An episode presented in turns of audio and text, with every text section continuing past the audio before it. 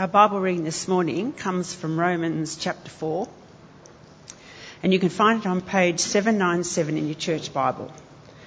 So, Romans chapter 4, where Abraham is justified by faith. What then shall we say that Abraham our forefather discovered in this matter? If in fact Abraham was justified by works, he has something to boast about, but not before God. What does the scripture say? Abraham believed God, and it was credited to him as righteousness.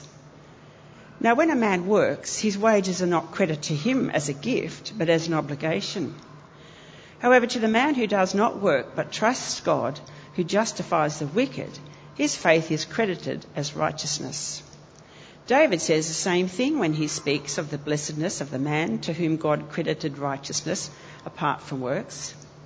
Blessed are they whose transgressions are forgiven, whose sins are covered. Blessed is the man whose sin the Lord will never count against him. Is this blessedness only for the circumcised or for the uncircumcised? We have been saying that Abraham's faith was credited to him as righteousness. Under what circumstances was it credited? Was it after he was circumcised or before? It was not after, but before. And he received the sign of circumcision, a seal of the righteousness that he had by faith while he was still uncircumcised.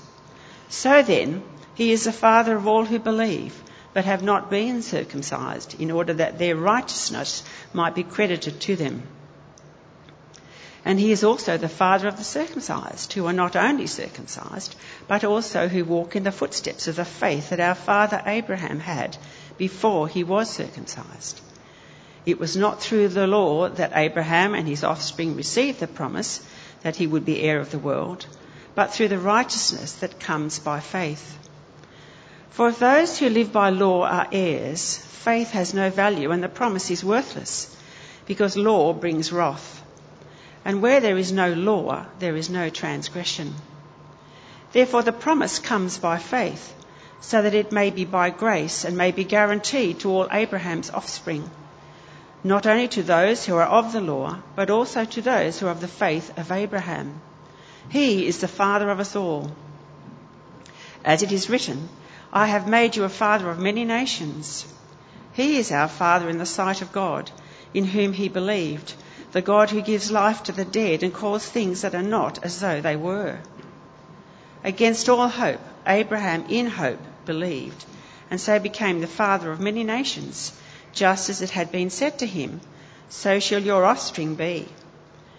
Without weakening in his faith, he faced the fact that his body was as good as dead, since he was about a hundred years old, and that Sarah's womb was also dead. Yet he did not waver through unbelief regarding the promise of God, but was strengthened in his faith and gave glory to God, being fully persuaded that God had power to do what he had promised. This is why it was credited to him as righteousness. The words it was credited to him were written not for him alone, but also for us, to whom God will credit righteousness, for us who believe in him, who raised Jesus our Lord from the dead. He was delivered over to death for our sins and was raised to life for our justification. Thank you, Anne. Today, as, as Steve said, we are starting off a series on the Reformation and looking at particularly the Reformation heroes. And this Sunday we are going to look at Martin Luther and his contribution towards the Reformation and our understanding of the gospel and our salvation in Christ Jesus. Martin Luther was born on the 10th of November 1483 in Eisleben in Germany. His father Hans Luther had great plans for his son to become a lawyer. But instead of entering law college, Luther entered the Augustinian order to be ordained as a monk.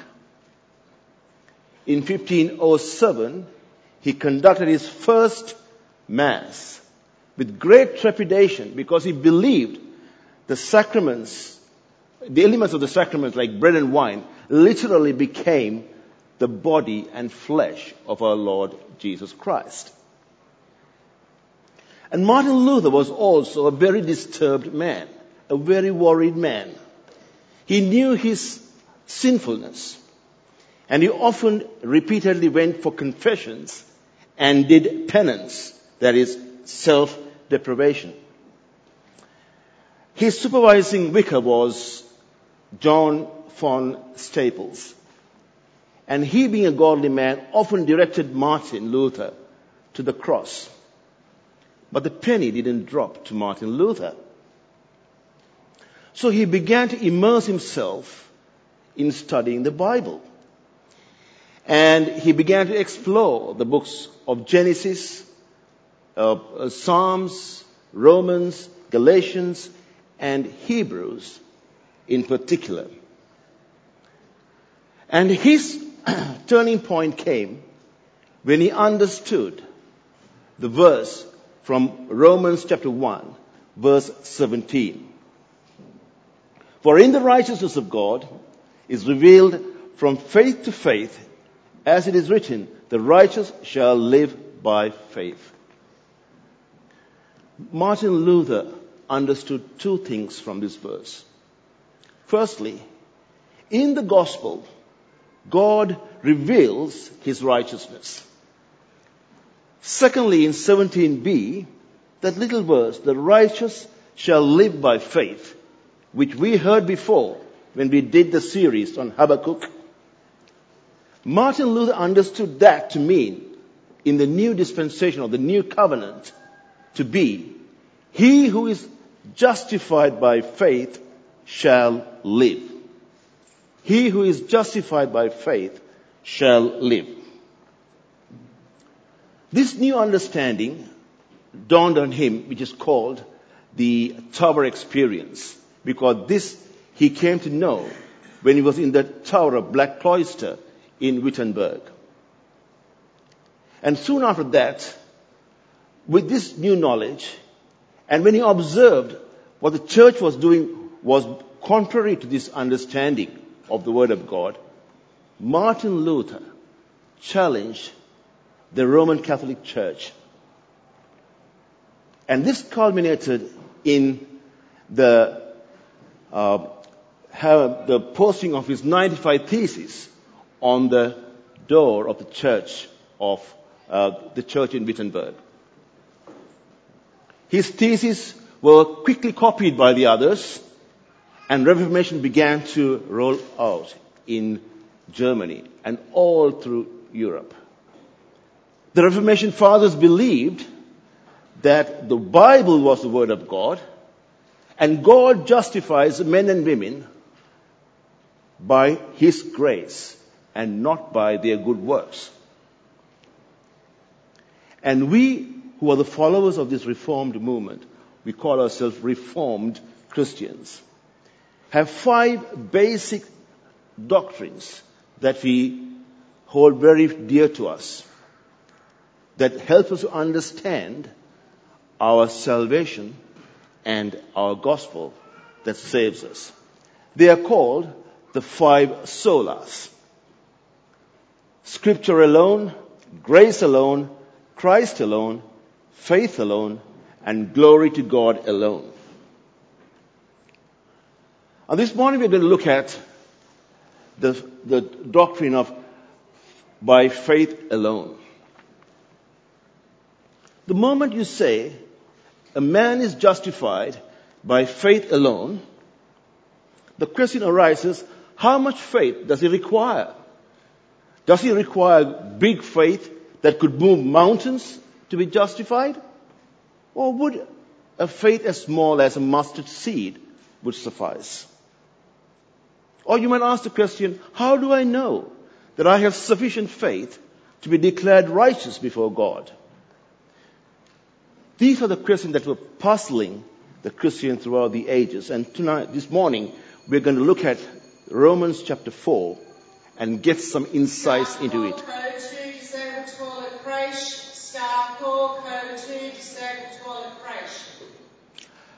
So we're going to look at Romans chapter 4 and get some insights into this. Now, Romans chapter 4 has 25 verses. It's a fairly long chapter, but it has got, it's got a very neat structure to it. Firstly, Paul is raising the question, if God were to justify the wicked, how can a holy God justify the wicked for no reason? Secondly, Paul tells us that there is a righteousness that comes outside of the law. And thirdly, Paul tells us the exact method and the means by which God makes a person righteous. So in verses 4, uh, 3, we, we read, uh, we, Paul cites Genesis chapter 15 verse 6, almost verbatim. And this has 5 and 6 in it. And he brought him outside and said, look towards the heaven and number the stars. If you are able to number them, then he said to him, so shall your offspring be. And he believed the Lord and he counted it to him as righteousness. Paul brings in this verse in Romans chapter 4 and, say, and, and he explains what it exactly means to be counted as righteousness. Abraham believed and it was counted to him as righteousness.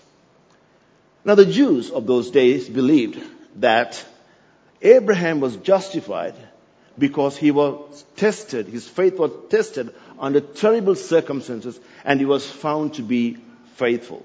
And that was the reason why God justified Abraham. But if you look at this verse, there's nothing to indicate that Abraham was justified under great trials and tribulations.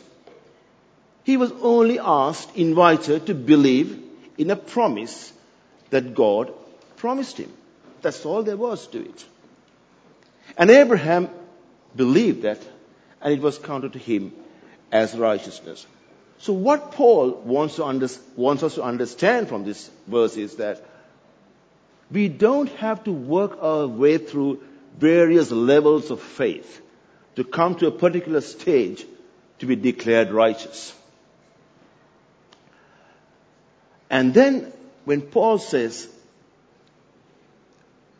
he was declared righteous because of no reason, he runs into a problem with the Old Testament. Because the Old Testament explicitly prohibits justification of the wicked. The wicked must pay their price under the law. So there are certain verses from the Old Testament, from Proverbs and in Exodus, we find he who justifies the wicked and he who condemns the righteous are both alike an abomination to the Lord. In Exodus we read, um, keep far from a false charge and do not kill the innocent and righteous, for I will not acquit the wicked. That were the promises that God gave in the Old Testament book. So Paul raises this issue to us and say, how is this holy God going to justify the wicked? We need to hold that thought with us for the time being. We'll come back to it later. It all will become clear later on. But just hold that thought and we have to move on. In verses 6 to 8, Paul again goes back to the Old Testament and this time he cites from Psalm 32 verses 1 and 2. And he said, Blessed is the one whose transgression is forgiven, whose sin is covered. Blessed is the man against whom the Lord counts no iniquity and in whose spirit there is no deceit. Paul is bringing this citation from the Old Testament to tell us, and he's always quoting David as a witness to tell us, as if David is saying that God justifies people without good works. The strange thing about it is that when you look at this verse, there is nothing to indicate or not, no word, no reference to the words righteousness or works there. So why is Paul using this citation to drive home the message that God justifies without works. This citation gives us a clear indication of the nature of our justification. From this, we understand that forgiveness of sins is the fundamental component of our justification. And in this citation, we see a man who has been rendered, um, he has been condemned without any hope, but God acquitting him for no reason.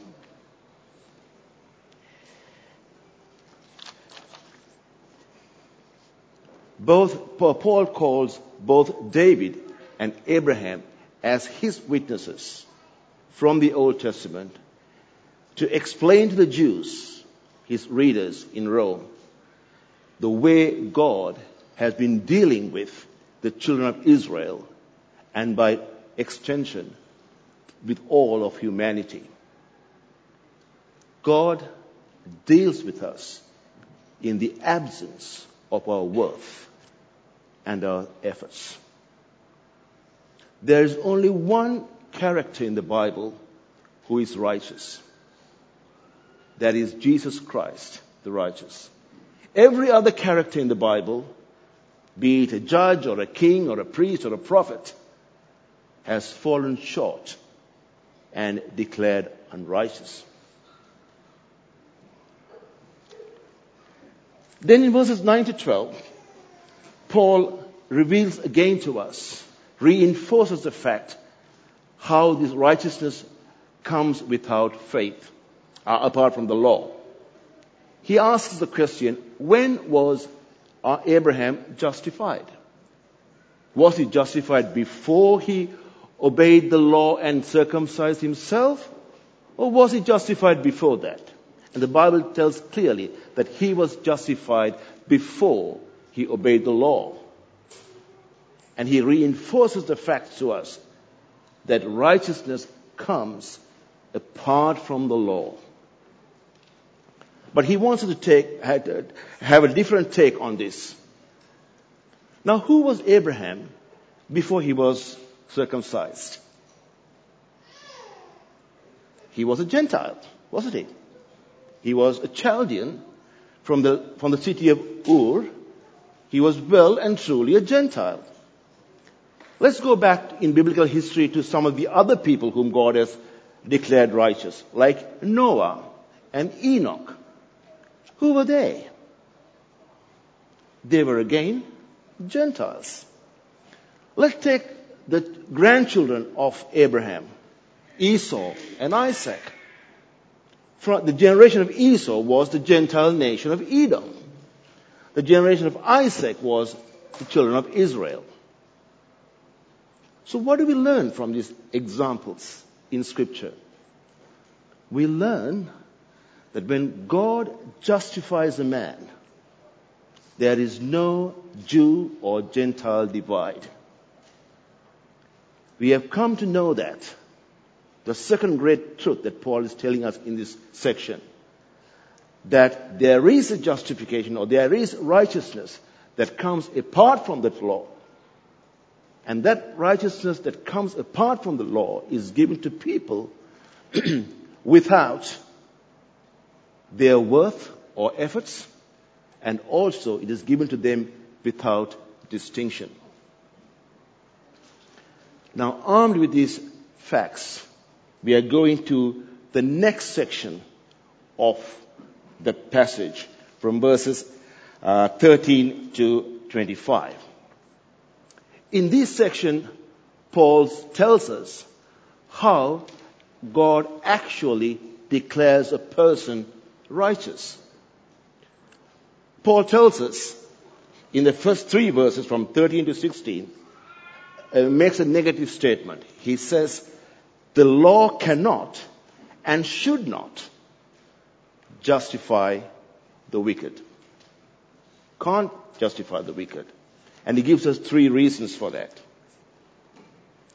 Firstly, he says, if people are going to be justified by the law, then only the Jews can be justified. because the law was given to them, not to the others. That that would be unfair. Secondly, he says, if people are going to be justified by the law, then it would introduce a criterion of positive worth. People will go around saying, I too contributed towards my salvation. And which is against what Paul has been arguing so far. Paul has called Abraham and David as his witnesses to demonstrate to us that our justification is without human worth. So that is again the law cannot do. Thirdly, Paul says the law can't justify a person because it increases the wrath of God. The law increases the wrath of God. What does it mean by that? The law increasing the wrath of God. Let me explain. If I were to stand before the throne of judgment before the law was given, there would be only one charge recorded against me. Edwin Tambiaya has disobeyed God just as Adam did. That will be the only charge recorded against me. But after the law, I will have a series of charges recorded against me. Because in a court of law, a person is indicted according to the penal code of the law. And similarly, after the law, when I stand before God, there'll be a series of transgressions recorded against me from the book of Leviticus and Deuteronomy. I will have hundreds of charges running against me. And that will rightly and legitimately increase the wrath of God against me. The law cannot save us. Obeying the law and observing the law can never lead us to righteousness. It only tells us how unrighteous we are before God. Then in verse 18 to 24, 17 to 24, Paul tells us about this justifying faith. What kind of faith actually justifies us? This is a beautiful piece of biblical text where Paul comes very close to explain, or, or, or very close to defining what faith is. In verse 19, Paul says, the, our justifying faith comes from God. Abraham's faith was not generated by human effort or human competence. You know why? Because Abraham was 100 years old at the time and Sarah's womb was dead. There was no scope for them to produce children at the time. And in that circumstances, Abraham Abraham had no way of generating faith from within him unless he looked at God who gives life to the dead. So Abraham's faith the source of Abraham's faith was God himself. Then in verse 20, we understand Paul's statement about Abraham's distrust. He says in verse 20, um, he did not waver through unbelief regarding the promise of God. Is it? Didn't he distrust God? Of course he did. He not only distrusted God, he acted upon his distrust with his union with Hagar. So how can the Bible say that Abraham did not distrust God? When Paul uses the word distrust, it is different to the way we understand and define distrust. For Paul, it means an attitude or the disposition of Abraham. And when Paul uses the word distrust in this context, he is not saying to us that the disposition of Abraham did not have any doubts, any uncertainties, or hesitations. But rather, what Paul wants us to understand is that Abraham did not oppose God. Abraham did not oppose God as the way Jonah did. Despite his uncertainties, despite his doubts, despite his hesitations, Abraham obeyed the commands of God. Friends, this is life transforming for us. If we want to walk righteous before God, despite our doubts, despite our uncertainties, despite our hesitations, we need to believe and obey the Word of God. That is how a man lives righteously and a woman lives righteously before God. Thirdly, Paul says that the faith that justified Abraham is, a, is, is like the same faith that justifies us. What kind of a faith justified Abraham? Abraham believed that God gives life to the dead. Abraham believed that God can bring forth new life through his dead body and the dead womb of Sarah. And we, and Paul says, it's a similar kind of faith that justifies us as well. That God has the power to raise Jesus from the dead. Do you believe that God raised Jesus from the dead? If you do, that is your justifying faith and mine. We are justified only by believing that God raised Jesus from the dead. Our justification is thoroughly grounded on the cross and the work and person of Jesus Christ. In conclusion, I know it's a long chapter that we have gone through. Today is the first day of daylight savings. You might have missed a few hours of sleep last night, and if you have been drowsy during the sermon, I am very keen that you must take this with you home. If somebody were to ask you, what do you understand by being justified by faith alone? You need to answer him by breaking the question into two parts. Yes, God justifies the wicked because of the work and person of the Lord Jesus Christ. Secondly, the justifying faith is not devoid of doubts.